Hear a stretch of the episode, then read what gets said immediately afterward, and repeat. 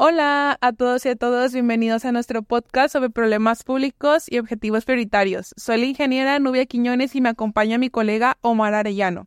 Hola compañera. Hoy nos sumergiremos en un tema crucial para el bienestar de nuestra sociedad, la identificación de los problemas públicos y la decisión de objetivos prioritarios que nos permitan avanzar hacia un futuro más justo y sostenible. Exactamente, bien dicho. En nuestra sociedad actual nos enfrentamos a una serie de desafíos que demandan nuestra atención y una acción inmediata. Si bien desde la falta de acceso a la educación a la salud, hasta la desigualdad de género y la degradación ambiental. Si bien estás de acuerdo conmigo, compañeros, son muchos de los problemas que impactan en la vida de las personas en todo el mundo.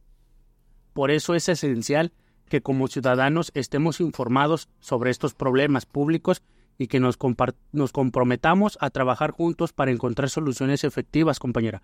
La colaboración y el trabajo en equipo son fundamentales en estos casos para poder abordar estos desafíos de manera integral y sostenible. Exacto. Y si bien, entrándonos en el tema, uno de los problemas más urgentes que enfrentamos como sociedad es la crisis climática. El cambio climático está teniendo un impacto devastador en nuestro planeta provocando cosas tales como fenómenos extremos como sequías, inundaciones y el aumento del nivel del mar. Es crucial que tomemos medidas concretas para reducir nuestras emisiones de carbono y proteger nuestro entorno natural.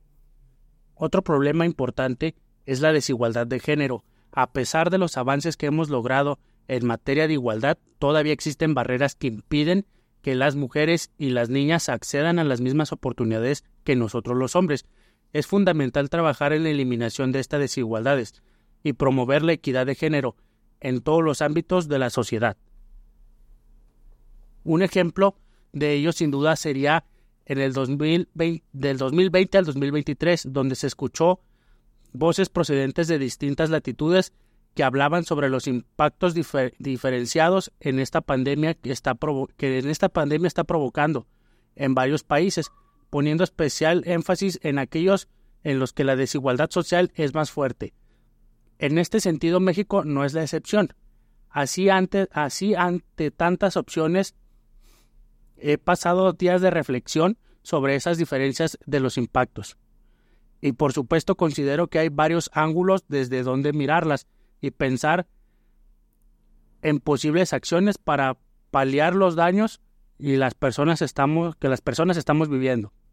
La cuestión es que en varios de los grupos poblacionales he considerado hay una constante. Sin duda nosotros las mujeres son las que eh, estamos siendo más afectadas en lo que fue 2020 a 2023 en la pandemia, ya sea por la violencia, por el cansancio que implicaba tener la responsabilidad mayoritaria de los cuidados y atenciones de familiares en edad avanzada, e hijas e hijos o a personas con alguna discapacidad, agregando la en ella la limpieza del hogar, cocinar, fungir a pesar como profesoras que aparte de que teníamos que cuidar a los enfermos y demás de nuestra familia, aparte se tenía que cumplir con la mm, primaria en casa o con todo lo que tenías que hacer como que estudiar desde línea. Entonces, si bien eh, contener a la pareja sí lo requería, ser la mediadora para que no haya discusiones entre adolescentes, más el trabajo por el cual sí reciben un ingreso económico y que realizan ya sea en la distancia o saliendo de casa. Además, la pobreza y la falta de accesos a servicios básicos como la educación y la, la salud siguen siendo desafíos importantes en muchas partes del mundo.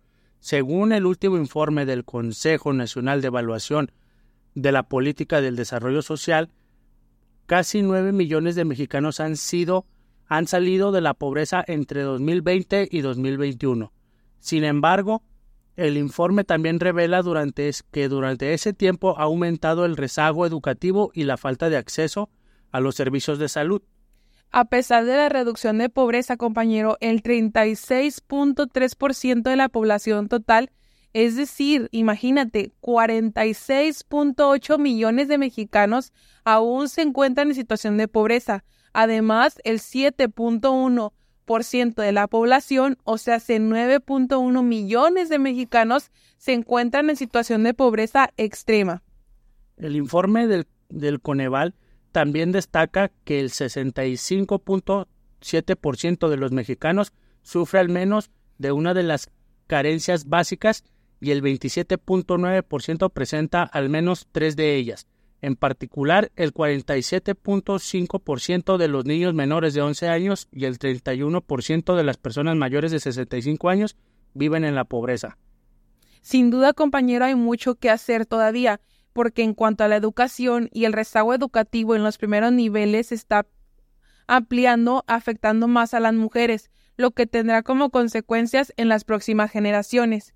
En relación con la salud, el porcentaje de personas con carencia de acceso a los servicios de salud pasó del 16.2 hasta el 39.2, imagínate, entre un lapso del 2018 al 2022, lo cual sin duda representa un cambio de 20.1 de 20 a 50.4 millones de personas con esta situación. Es necesario establecer prioritarios que nos permitan erradicar la pobreza y garantizar que todas las personas tengan acceso a una vida digna y plena. En resumen, compañera, es crucial que nos comprometamos a identificar y abordar los problemas públicos que nos están afectando, así como establecer objetivos prioritarios que nos guíen en la consecución de un cambio positivo de nuestra sociedad. Juntos podemos marcar la diferencia y construir un futuro mejor para todos. Gracias compañero y gracias a todos por acompañarnos en este episodio y por su interés en estos temas tan importantes. Esperamos que les haya resultado inspirador y motivador para seguir trabajando en la construcción de un mundo más equitativo y sostenible para todos. Hasta la próxima entrega, compañera, y que tengan un día lleno de reflexión y acción positiva. Nos vemos en el próximo episodio.